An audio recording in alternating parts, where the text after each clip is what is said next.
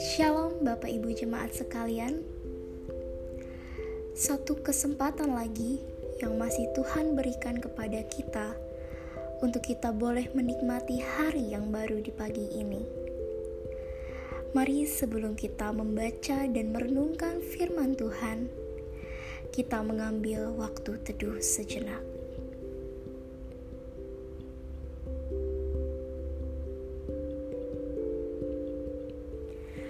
Bapak Ibu, kita diciptakan oleh Allah dengan sempurna adanya. Kita memiliki macam-macam anggota tubuh yang melengkapi kita sehingga kita bisa menjadi manusia yang produktif. Namun apakah anggota-anggota tubuh tersebut sudah kita fungsikan dengan seharusnya dan sewajarnya? Amsal 18 ayat ke-21 Hidup dan mati dikuasai lidah. Siapa suka menggemakannya akan memakan buahnya. Tentu kita tahu lidah merupakan salah satu komponen di dalam mulut. Tanpa lidah, kita tidak bisa mengucapkan atau melafalkan kata-kata dengan jelas. Bapak Ibu jemaat terkasih, rupa-rupanya Amsal yang berisi banyak sekali pengajaran hikmat ini mau menegaskan pada bagian ayat ini bahwa mulut kita yang kecil ini memiliki dua dampak yang penting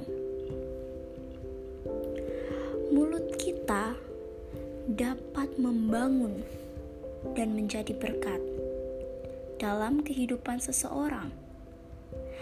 Namun, di sisi lain, mulut kita juga berkuasa menghancurkan hidup seseorang.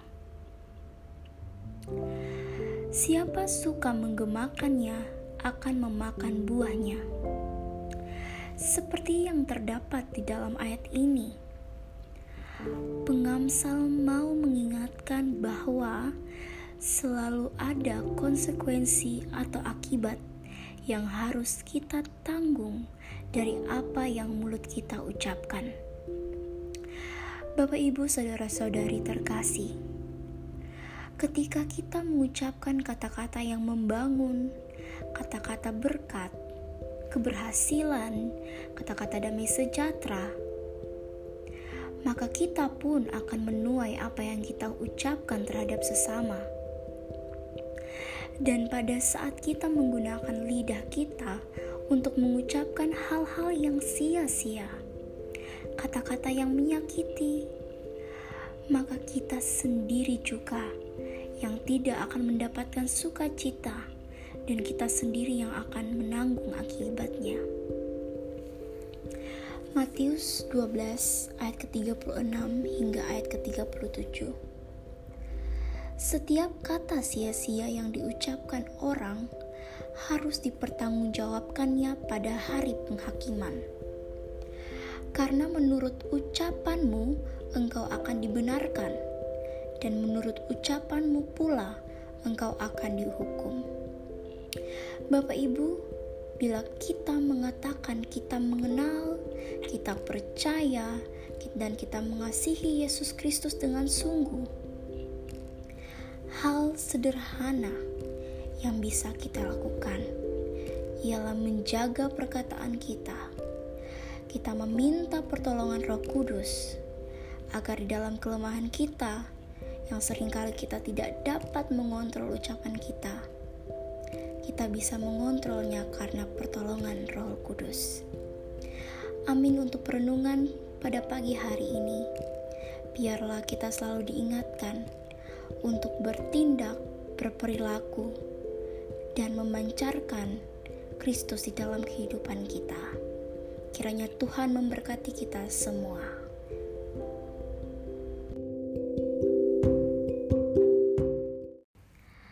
Shalom jemaat terkasih. Bersyukur kepada Tuhan untuk hari yang baru di pagi ini. Mari kita memfokuskan hati dan pikiran kita untuk merenungkan kebenaran firman Tuhan di pagi hari ini. Waktu teduh sejenak.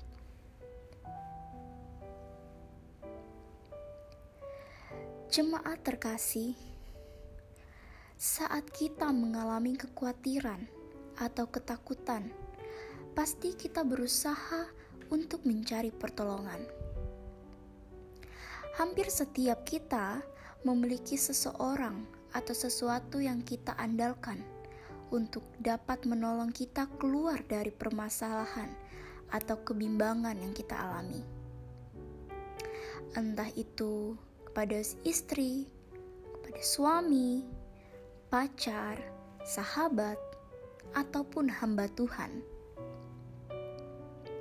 Dan sering kali kita menjadi terlalu mudah untuk bereaksi ketika mencari jalan keluar. Entah itu kita bakal curhat, kita mengadu, mencari jalan pintas, dan sebagainya. Mari bersama kita membaca Mazmur 46 ayat ke-11a. Mazmur 46 ayat 11a. Diamlah dan ketahuilah bahwa akulah Allah. Jemaat yang dikasihi Tuhan, Mazmur ini dilantunkan oleh Bani Korah dengan maksud untuk menegaskan bahwa Allah merupakan tempat perlindungan yang kokoh bagi mereka. Siapa Bani Korah itu? Bani Korah itu merupakan suatu keluarga suku Lewi yang aktif di dalam pelayanan di kemah suci dan mereka sering menyanyikan puji-pujian bagi Tuhan. Jika kita memperhatikan keseluruhan ayat di dalam perikop ini, maka kita bisa dapatkan bahwa Bani Korah menyadari di tengah-tengah kegelapan dan ancaman musuh yang sedang mereka hadapi, mereka masih memiliki Allah yang menguatkan mereka.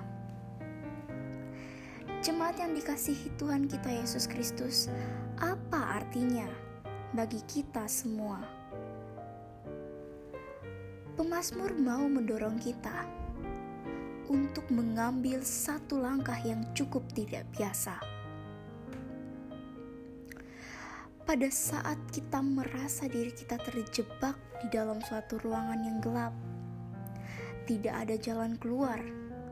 Yang ada ialah kepanikan, ketakutan. Pemasmur meminta kita untuk diam sejenak. Bukan persoalan diam dan berlarut dalam kegelisahan kita, namun diam dan mengarahkan pikiran kita kepada Allah dan sadar bahwa Allah adalah Tuhan kita.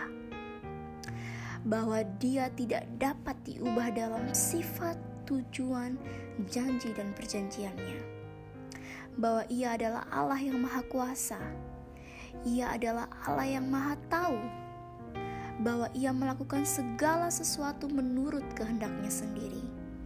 Dan ia juga membuat segala sesuatu demi kebaikan kita.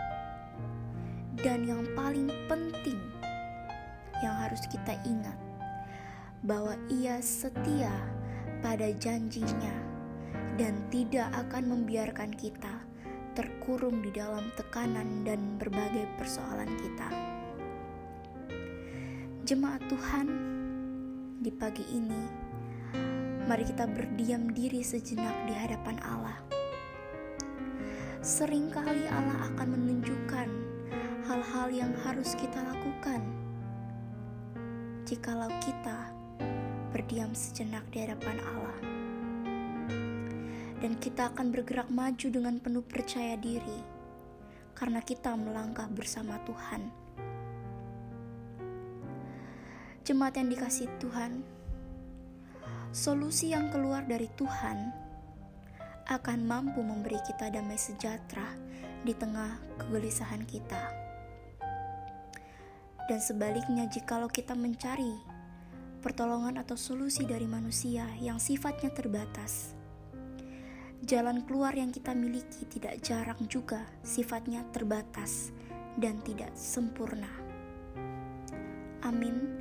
Kiranya Tuhan Yesus memberkati kita semua.